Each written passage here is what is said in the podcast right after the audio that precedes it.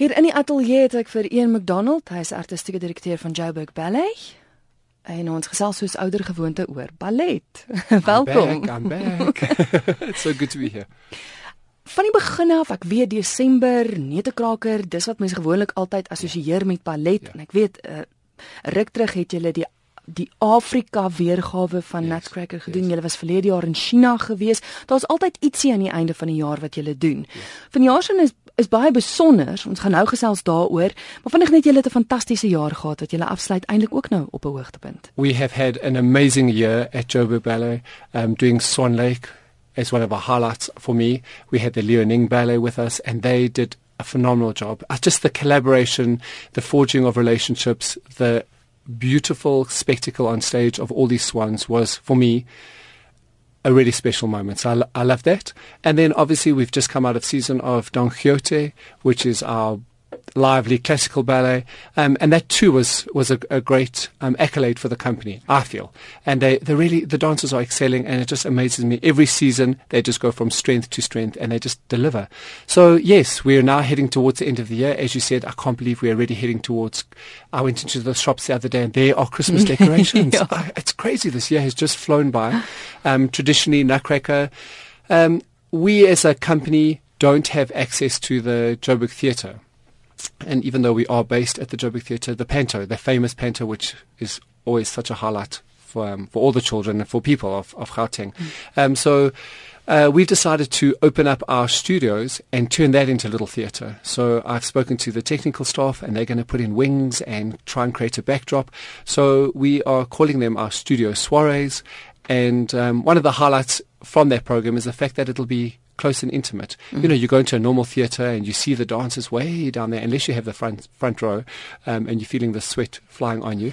Um, but everyone in the performance of the Studio Soirees is going to have that experience of that intimacy, which I think is really going to be special. Maar die wonderlike ding is ook dit is waar waar al die kreatiwiteit geskep word. Dit is waar jy daagliks oefen en repeteer. So ek Absolutely. meen that's where it all happens the blood, sweat, and tears. And then you're going to come and see the perfection and the, the beautiful quality of all that hard work. Daar's nie baie studio soirees nie. Ek dink daar's net 3, né? Yes. So die luisteraars moet spring en mooi luister na die datums. Vertel my gou-gou van die 3, want ek weet die Saterdae se verskil van die Vrydae Absolutely. soirees. So our performances are actually the 31st, which is a Saturday, 31st of October, and the Sunday, the 1st of November. Saterdag en Sondag. That's it. So Saturday and Sunday, and then we skip a weekend, and then we we do it again on actually the Saturday, the 14th, and because this week the ticket sales have just shot through the, the roof, which I'm thrilled about. We've now opened the Sunday, the 15th as well. So fun, Sunday at 3 o'clock, there will be a, a, another performance happening. And as you mentioned, um, Christelle, the, the performances are different.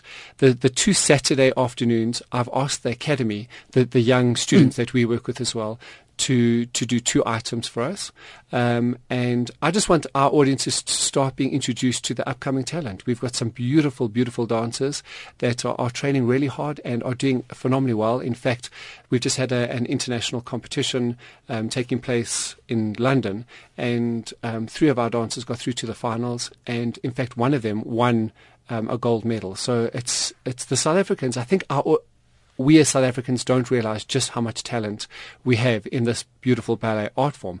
Um, and we've got to make sure that they stay in this country so that audiences can get to experience these beautiful dancers because they get snapped up overseas left, right, and center. They are just that good. And I'm proud to say it. And it's the teachers in this country are doing a phenomenal job training the dancers as well. But back to our soirees, the um, the dancers from the academy will be doing performances on those two Saturday afternoons at three o'clock, and then on the Sunday shows, uh, we've got uh, to replace the academy performances. We're going to be doing extracts from uh, to Queen music. Ah. So it's called Somebody to Love, and they are so there's a little bit of a contemporary feel as well. But on every performance, there's going to be Les Feed. Ek wil gou sê want die program interesseer my want dit is baie dus wat mens nie so gereeld sien nie. Ek meen Yes. daar's van die ballette, ekskuus wat ek nog nooit eens van gehoor het nie. Absolutely. And I, I did that intentionally. I chose that because one of our criticisms, and I, I totally understand it, is that, oh, not that again, or we've seen this ballet. And I, I, I try to bring in something new with the big, big three act ballets that we've got in our repertoire, such as Don Q or a Giselle or a Swan Lake, or we do have limited access to, to new ballets, and it's something we as a company need to focus on is to bring in. We call it repertoire. Mm. Because our audiences want to see something different. So we're starting on a smaller scale now. So Les Sylphides, which is to Chopin, the music, is exquisite. Um, that'll happen at every performance. That is what our first half consists of. So that's about 25, 26 minutes. And then mm-hmm. there's an interval. And then we go into the pas de deux that you've spoken about.